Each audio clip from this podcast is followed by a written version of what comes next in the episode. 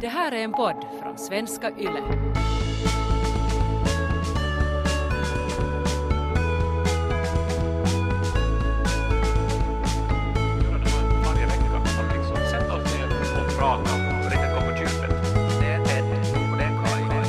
Välkomna till Ted och Kaj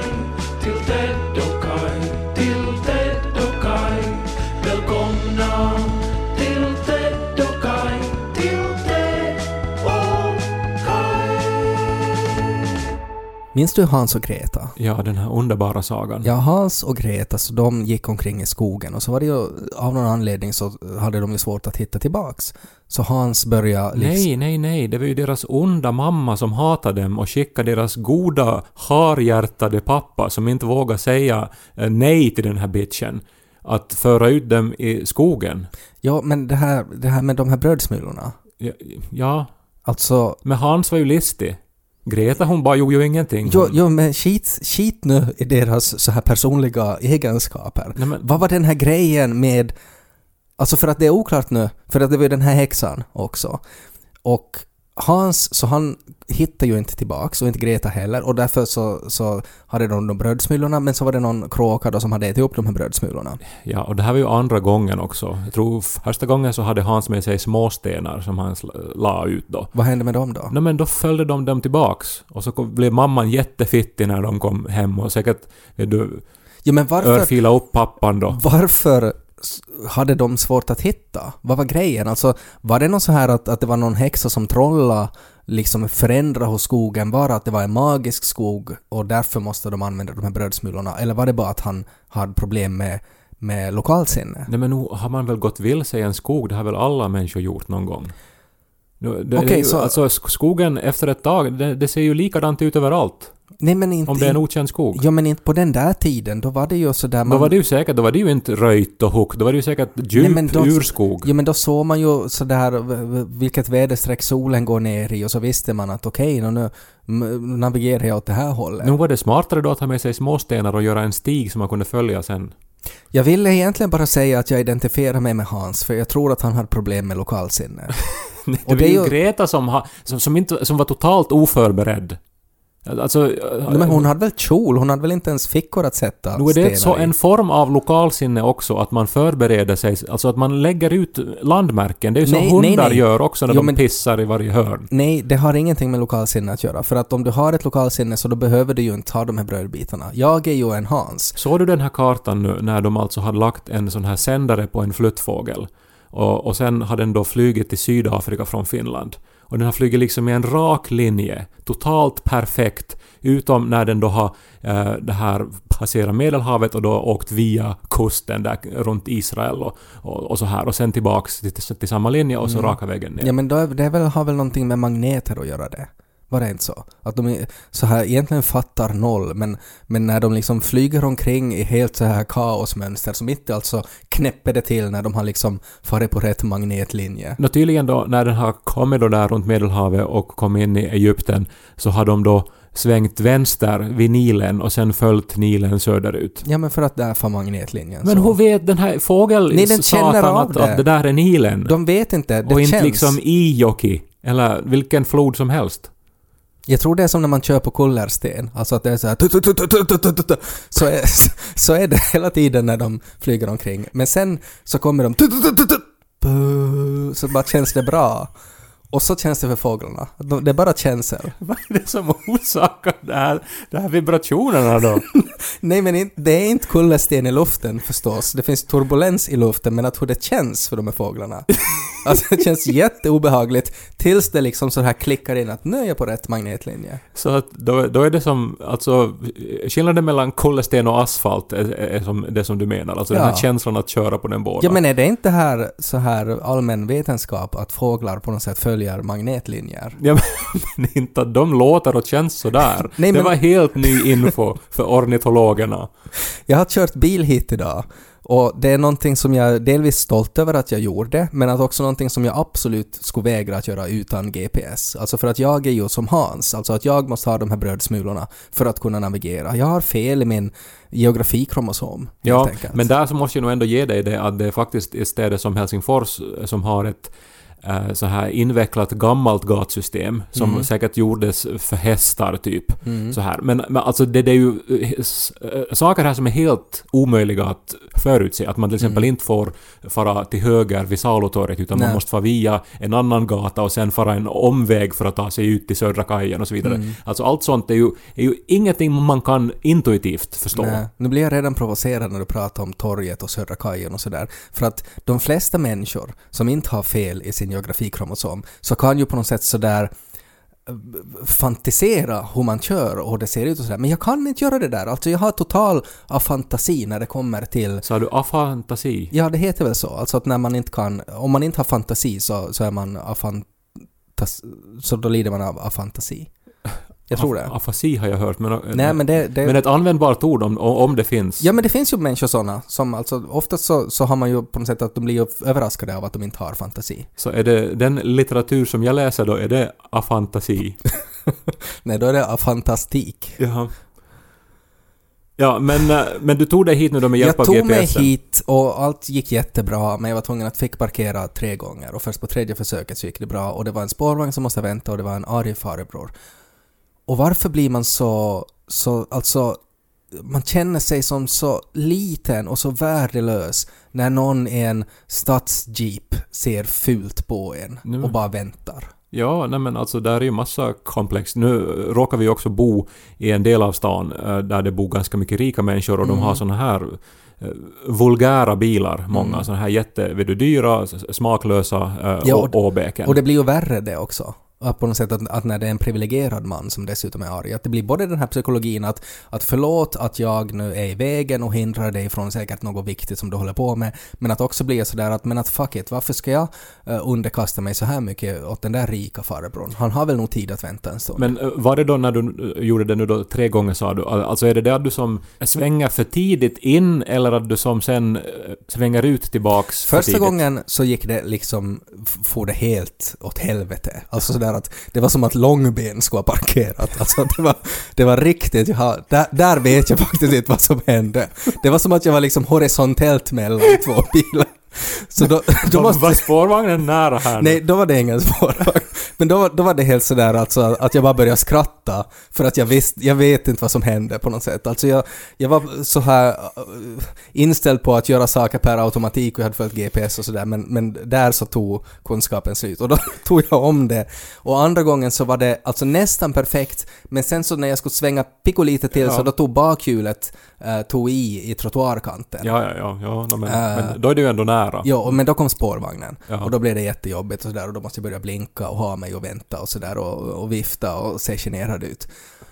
Och då tredje gången när jag skulle göra det så då, då, då gick det nog till sist. Ja, men är inte det där den bästa känslan? Och alltså, alltså, man måste ju öva på det där, men det är ju någonting magiskt med hjärnan för att sen när man har gjort det kanske 30 gånger och jag gjort de här misslyckandena och jag Mm. varit i de här hemska situationerna då som, eh, alltså när, när man blir ännu mer stressad då av spårvagnar och arga människor och så vidare. Men sen i något skede bara så, är det, för jag menar det är ju en jättesvår sak egentligen det där, men att, att man har sån kontroll över bilen till sist är helt magiskt. Ja. Och jag har en jättebra parallell till det här. Alltså vad hjärnan är kapabel till när man gör det många gånger. Jag var eh, och skulle göra en köttgryta i, i helgen och jag for då till en affär som har en köttdisk, du vet, där det jobbar folk. Jag vet vad en köttdisk är. Ja, och det är roligt att de är på väg tillbaks nu, att man ska få Men prata med riktiga människor. De har väl aldrig varit på väg bort? Nå, nu var var det ett tag när det inte var så vanligt, men nu tycker jag att allt mindre och mindre affärer får dem tillbaks.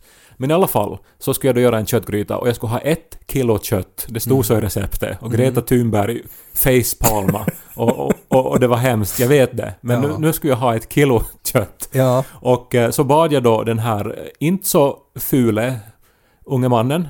Bakom disken då. Totalt irrelevant att kommentera hans yttre. Ja, nej men jag hade lust att ta två kilo bara för att han skulle som, jag vet inte, bli, bli glad. Jag vet Mm. inte. Mm. Tjäna, han kanske nog inte får någon provision, men i alla fall. eh, han var vacker Ja. och, och skicklig. För Ja. det som hände då... På vilket sätt var han skicklig? Nå, det, det är det jag kommer till. Ja. Alltså som sagt, jag skulle ha ett kilo. Så tog han fram ett enormt stycke kött. Mm. Det var som, alltså... Hela Greta. Det var, det var alltså säkert Åtta kilo. Alltså det var Ja. helt löjligt stort. Jag vet inte vad det var för kroppsdel. Ja. Det var ju nötstek jag skulle ha. Jag vet inte varifrån den kommer. Jag har Mm. jobbat på korvfabrik, men jag vet inte. Nej. Men i alla fall, eh, så sen då så tittade han en stund på det här stora enorma stycket kött. Mm. Och sen så tog han sin vassa kniv och skar en bit, la biten på vågen, 1,03 kilo. Och så tänkte jag, det där är fan magi. Alltså Ja. det, där, det, där är, det där är oförklarligt. Det är så sällan man får på något sätt så här pokal eller får, får på något sätt applåder för sånt där ögonmåttsmagi. Ja, men det är ju det där som hjärnan är kapabel till. Och, Mm. och det är när man inser det som man tänker, vad allt kan jag bara jag skulle träna? Ja, om man tänker att, att om du skulle ha sett i hans huvud vilka algoritmer och former som aktiveras när han börjar tänka att var ska jag sätta kniven? Det är ju helt löjligt mycket. Och som det är säkert då under liksom eh, många år då när det har varit stressigt vid köttdisken Mm. och, och de har varit svettiga och måste få till, till något sorts bakrum och liksom torka svetten ur pannan de här Mm. karlarna som jobbar där och, och, och så här haft uppkavlade ärmar. Mm. Eh, men, men sen eh, liksom när det har varit stressigt och kö och de har vetat att, att nu måste vi som snabbt skära de här bitarna. Nu hinner vi inte börja skära några extra centimeter här. Nej, och att det är liksom den pressen och den viljan att liksom få allting att löpa smidigt då som har gjort att den här specialförmågan har utvecklats. Mm. Ja. Och det är ju det som de här spårvagnarna och, och arga stadsjeepägarna gör. Att du nu måste ha tre försök, Mm. nästa gång två försök och sen kommer du bara att glida in som Mm. en... Som en Pokémon. Men vad, hur uppmärksammar du honom då? Liksom att sa du ens så här wow eller sådär?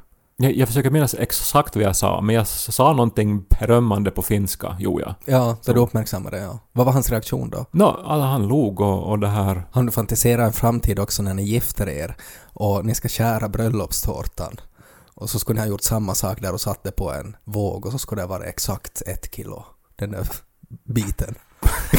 Otroligt stor tårtbit.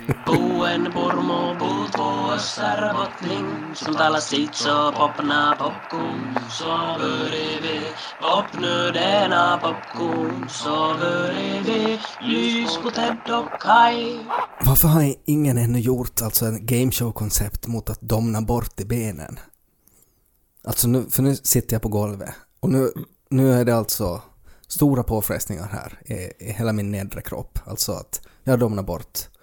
Domnar bort i benen helt enkelt. Och att, att det är ju en mardröm, är det ju. Alltså för varje förflyttning alltså så gör ju otroligt, otroligt ont. Varför har ingen utnyttjat det här och haft folk att sitta riktigt obekvämt och sen ska man liksom servera champagne? Alltså det här, det är ju jätteroligt. Och sen Ja. ännu till att ha kändisar där då liksom. Ja, Alltså, kändisar som domnar bort.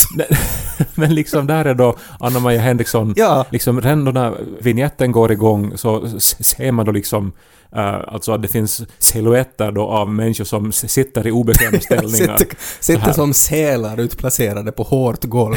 Och sen kommer programledarna in då och och presenterar då liksom förstås då vad, vad det är för program och allting Ja. och drar några skämt. Ja. Och sen så en i taget då så lyser de upp de här människorna med spotlight då. Mm. Vem det är som idag då ska göra någonting svårt med domnade ben. Ja, och redan det att de ska liksom stiga upp för att få emot sin uppgift är ju svårt.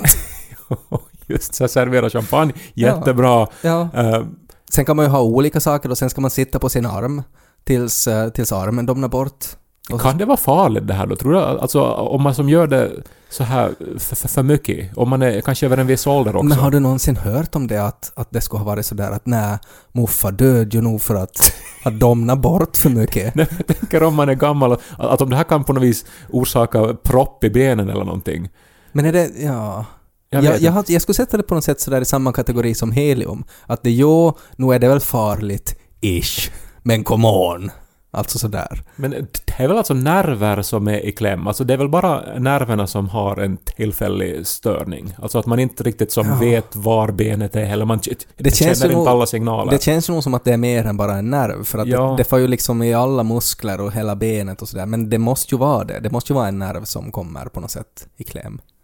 Ska man kunna ha ett moment då med den här klassikern att man vaknar och har sovit på armen så att Mm. eh, armen är som en klump kött då som Ja. ramlar ner på ens bröst? Det finns ju också det här The Stranger. Ja, jag tänkte på den men om det skulle gå Mm. på något annat sätt då, nu vill jag inte som Alltså jag tänker att det är ju inte bra TV då Nej. att nu, nu ska du gissa vem som... Vem du ronkar. Att... Ja, Och det blir, det, blir en annan, det blir en annan show då. Ja, men Kan man kombinera det på något sätt med det här, jag är fascinerad över det här konceptet, det här masked singer. alltså det här att det är någon som har klätt ut sig och ska sjunga. är liksom- Ja, att man inte vet vem det är som har domnat bort. Nu ska vi se om Rihanna kan sjunga och dansa och må lite bortdomna. Där andra hon. det är någon sån här jättestor mask och det visar sig att han har inte fått luft heller på jättelänge. Jag vet inte vad det är som sen är liksom som slutpoängen då. När har man vunnit då? Eller som... Men... Men Det är kanske individuellt också att hur snabbt man får tillbaka. Alltså nu till exempel, nu, nu, kan, nu har jag helt liksom normala ben igen. Men att är det där återhämtningen från domning, är det olika? Kan man liksom träna, träna så att man, är, man har snabbare återhämtningsperiod från domning? Nu måste väl gå med någon massage eller någonting så här att man, att man liksom... Det, det finns ju sådana här massagepistoler också som man liksom Mm. trycker mot en viss Mm, jag muskel. får hela tiden reklam för dem. Ja, när jag... Brukar du göra så där om Nico, om han någon gång har sådär att oj oj oj nu får jag domna, brukar du gå och, och liksom klämma på hans ben och röra honom då? Jag brukar klämma på Niko alltid när vi sitter Jo, i soffan tillsammans. Men att det, det är ju liksom, gör ju ont om någon gör det. Jo, nej, men man gör det ömt och skönt. Nej men om, om jag är så här att nu domnar benen bort, så då varje gång, för varje rörelse så gör det ju jätteont, så att om någon kommer lite knuffa på en då så gör det otroligt ont. Har du aldrig gjort det? Det är ju liksom därför man är ihop med folk, Nå, för att kunna jag, göra det. jag vet inte om jag... Alltså, det är väl med sendrag så ska man ju... Alltså när man har det... Ja men också med domningar, alltså för då måste, det, det gör ju, man måste ju göra det jätte, jättelångsamt för att det, om man gör det snabbt så gör det ont. Men alltså det här hör ju ändå till en kategori av saker som är som alltså jobbiga och obehagliga men ändå lite så här skönt och lite så här... Lite roligt. Men varför vet man så lite? Alltså jag upplever att jag har ett enormt svart hål i min kunskap när det kommer till domning. Men det är ju någonting som händer nästan varje dag.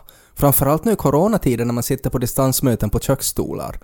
Alltså, men det är väl någonting som tillkommer också med åren mer och mer. Ja men att varför, liksom alla vet ju vad det är, men att varför har det inte liksom forskats ordentligt i det Ja, här? säkert har det, men det går ju om så snabbt. Så att Men att vi bara accepterar det. Vi har bara, liksom en halv minut på sig att få reda på all info de behöver. Ja men vi bara accepterar att okej, att det här är nu någonting som alla människor går igenom, men att inte vet vi nu riktigt vad det är. Känns inte konstigt det? Skulle det kunna vara det här The Masked Singer då, de, vet du, att man har blivit bedövad som vid tandläkaren? Och så ska man sjunga. Alltså, ja. att det är som en, en känd så- sångare då, som har blivit bedövad. Kändisar blir bedövade. då tar det ju bort det här, då gör det ju inte ont längre. Men att det kan ju ändå vara roligt att så här servera champagne om du inte kan röra dina armar. Tänk att se så här Fångarna på fortet. liksom. Jag tänker det här samtalet från den här producenten då till Arja Saijonmaa. Att hej, nu har vi då ett sånt här förslag att du ska göra olika saker. Att i det ena så bedövar vi dig i käften och så ska du sjunga. I det andra så ska du runka av någon och gissa vem det är. Och Och då ska du sitta på golvet tills det tar sjukt! Men överlag, alltså det här konceptet med att ge folk bedövning är ju briljant. Varför har inte det här utnyttjats? Alltså som att, att när du svarar fel i Jeopardy, då bedövar vi armen. Och sen till sist så är man bara ett hobo. Och då kan du ju inte alls hjälpa ditt lag. Om det är så här fångarna på fortet, jaha, det sket sig, du fick inte nyckeln. Ja, men då bedövar vi bort ditt ben och så måste du hoppa på ett ben resten av tiden. Potos ska få helt annan innebörd. Podotus. Nej, vad, vad, vad, nej, po, po, vad är det? Bara rasar in. Podotus!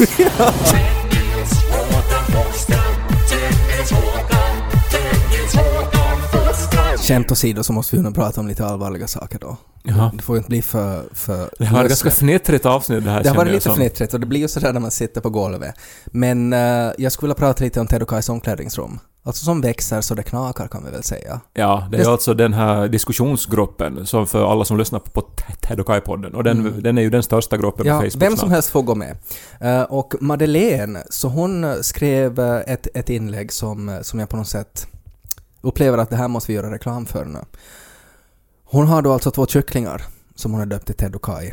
Och eh, hon eh, undrar nu om någon skulle vara barmhärtig och hämta Ted och Kai så, så att då är det fritt fram, att det är bara att komma efter dem. Ja, Alltså hon säger ju inte det här rakt ut, men det, det vi ju kan, alltså det här är då ett inlägg och hon har satt bilder och video av de här hönsen då, tupparna Ted och Kai och eh, det har väl då 50 likes men ingen har kommenterat, alltså ingen vill ha de här tupparna. Och man måste ju nog förstå vad det här leder till, att om, om ingen tar emot de här tupparna så kommer hon ju, Madeleine då, att, eh, att ta livet av dem. Topp i Wien blir det hemma hos Madeleine, Ja. kan man anta då. Ted och Kai i Wien. Ja, och jag måste ju säga att jag är lite förvånad över att, att 50 personer har liksom likat det här, men att, inte ens, att inte en enda av dem har varit sådär att ens kan vi få lite mer information, att, att var är de här tupparna och, och, sådär. Det är ju också liksom vår tid det här, för jag antar att om det här skulle ha varit nästan alla årtionden innan 70-talet, så Mm. skulle det ha varit liksom vet du, köer och människor Ja. skulle ha kört från Alavus Det, det, för men att det är sådär, hej, vem skulle vilja ha tusen euro? Kom hit efter det. Nej men exakt, det var ju så sånt här man gav liksom i hemgift när man Ja. gifte bort någon Ja. ur, ur familjen. Ja, mellandottern. Två tuppar. Ja, och så var det liksom oj, nej men oj, vad vi tjänar bra på det här. Jag har dessutom tänkt mera på, på tupp, eller höns egentligen den senaste tiden, för att jag har ett sånt här faderskapsdilemma nu igen. Att eh, vi har ju en relativt ny soffa eh, som har, den har inte liksom, vad heter det, alltså sådär, den har inte liksom stoppning för ryggen. Nej. Utan, utan den har liksom kuddar. Ja. Den är ju, den är ju nog otroligt jobbig att sitta i. Den har inte, det har inte varit en, en, liksom en, en jackpot, den där soffan, det måste jag erkänna. Nej, det, det, det är alltid så här att man, att man upplever att, att man är med i Podotus när man har suttit där en stund. Ja, det är faktiskt en, en liten sån soffa, men att istället för sån här ryggstoppning då så har det en massa dynor, alltså kuddar. Alltså det följde med då en massa kuddar.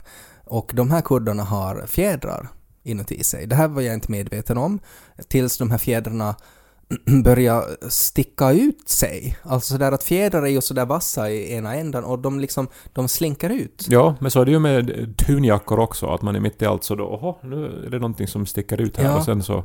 Jag har aldrig, ett litet dun. Ja, jag har aldrig varit med om, om det här tidigare.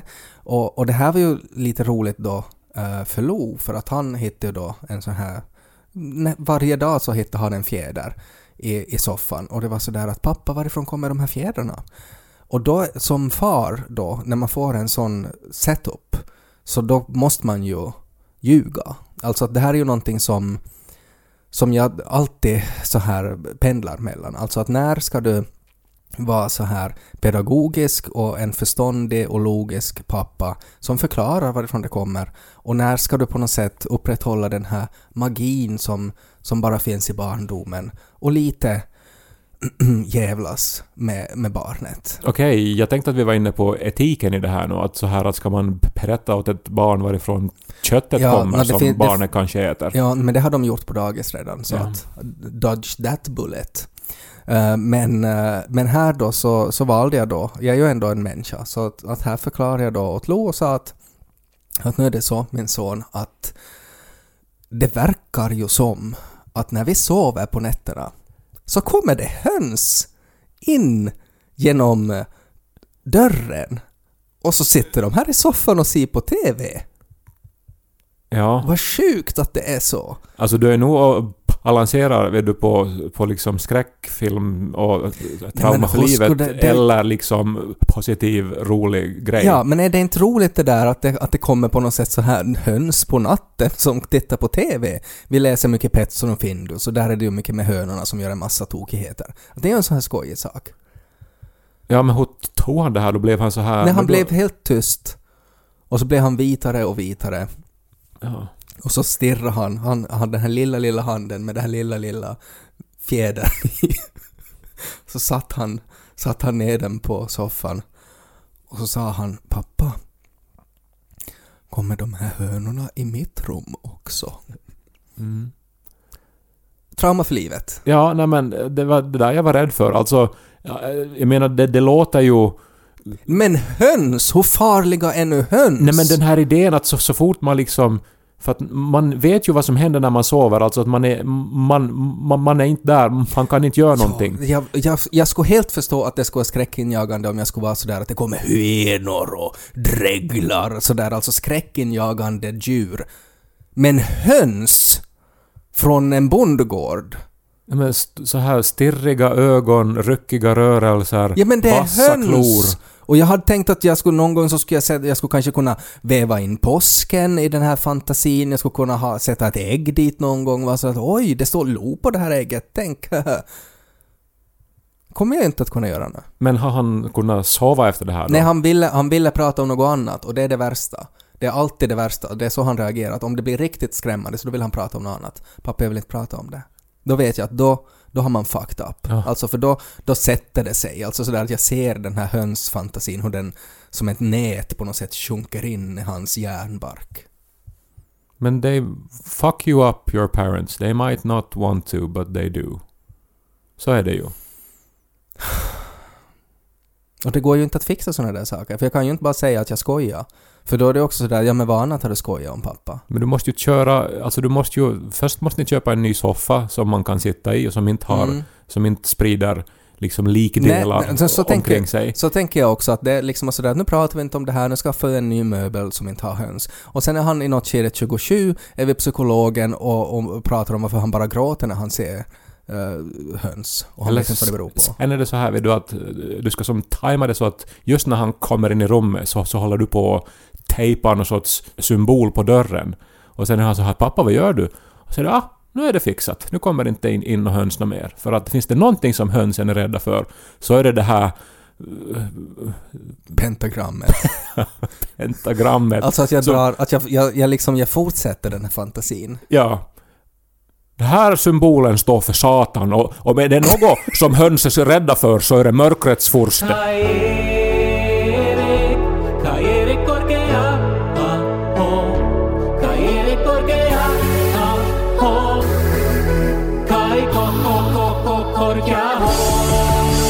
Påminner nog lite där, alltså det här Podotus-programmet då. Jag domnar bort gameshowen. Ja, om det här, eh, om du minns han den här brittiska hypnotisören Paul McKenna. Mm. Som ju hypnotiserar människor då. Och jag har ju valt att tro på att allt det där är sant. Ja, no, men nu, alltså nu funkar ju hypnos. Sen sån, sån här stagehypnos vet jag inte då att är det alltid sant eller är det Nej. överdrivet eller någonting. Men Ja. jag, jag tror nog på det också. Ja. Och jag, jag, alltså, Det var ju en sån här, alltså under en viss tid, alltså i vår ungdom, som det fanns alltså en massa såna där stagehypnoser. Att det kändes som att varje TV-kanal hade en sån där show. ja men det var ju alltså, då har de ju domnat sig i hjärnan och liksom Mm. det, det här som, som du nu har hittat på är ju egentligen en sorts kroppshypnos då. Mm. Alltså att man som avaktiverar en, en, en, vissa finmotoriska saker i kroppen. Ja, Och sen blir det som roligt. så att det skulle vara någon, alltså att man skulle på något sätt, att det skulle vara helt vanliga människor som bara står upprörda och så skulle det vara någon så här akupunktör eller någon som skulle vara bara säga sleep och så sätter han en nål i benet som han rasar ihop. Alltså det blir ju som en mer förutsägbar och längre varande effekt om man faktiskt skulle som bedöva med sprutor. Men det blir ju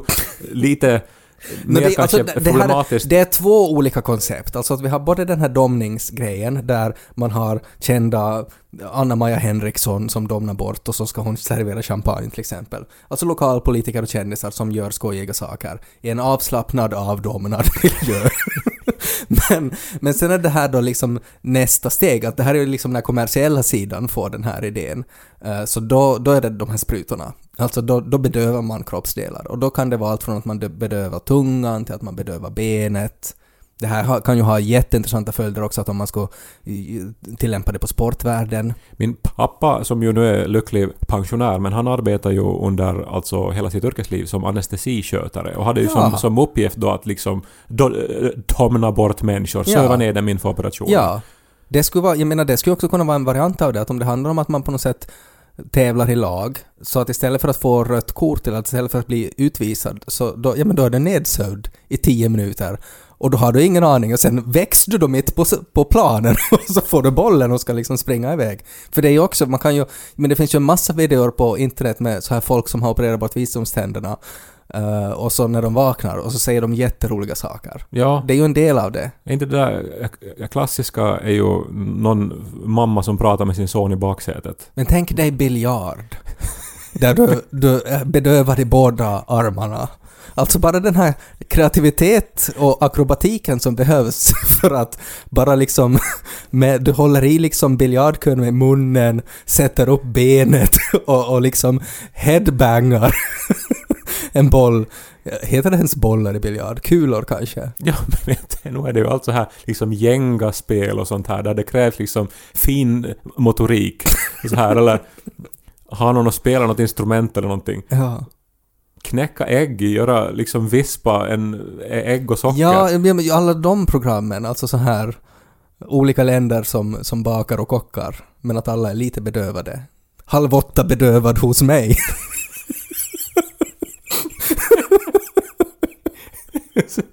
Jävla psykopat. När, när de kommer in, in, in innanför dörren så Hej, vill du inte se det? Och så en spruta i nacken. Och sen, Ja, jag måste säga, jag vet inte vad jag ska ge för poäng, för jag minns ingenting av den här kvällen. vad häller vin på sig när de försöker dricka och klotta med i maten. munnen. Ja, nu ska jag skära upp köttet men jag är avdomnad i armarna så jag vet inte vad det är. Jag ska se på det. Puuduta mun illallinen. Alltså följande steg är ju att ta reda på här, jag vet inte, du borde kanske prata med din pappa, att vad, vad är det farligt? Kan man göra det här? Alltså farligt blir det ju att om, om du bedövar eller domnar bort i benen och sen ska du typ springa i trappor, då blir det ju farligt för du kommer ju att falla.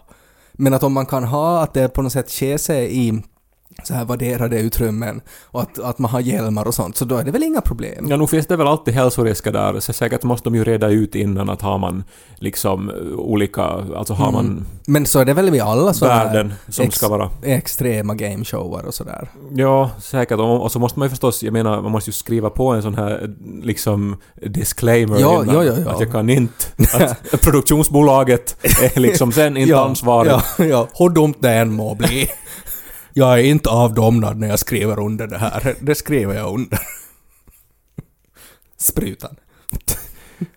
Det måste ju finnas någonting som vi inte har tänkt på. Alltså för att annars så skulle den här showen existera. Så är det ju. Att det måste ju vara någon hälsorisk som vi ändå inte är medvetna om. Vi kan inte vara den första, första podden som har kommit på det här konceptet. Nå, det skulle ju inte vara första gången. Jag menar att Hedokai-podden har ju gått i bräschen för att utveckla alla möjliga Bedövnings-gameshow-koncept. i samhället över åren. Hur ska man ens pitcha det här på ett så här pitchtillfälle?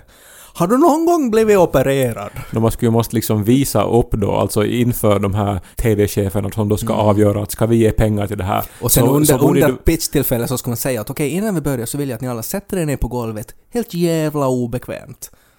Och sen drar man sin pitch och sen när man stiger upp så säger man sådär att "Nå, nu ska ni hoppa häck och så ser man hur roligt det blir. Tänk på alla sådana där datingprogram, alltså sån här Bedövad bonde söker... avdomnad fru.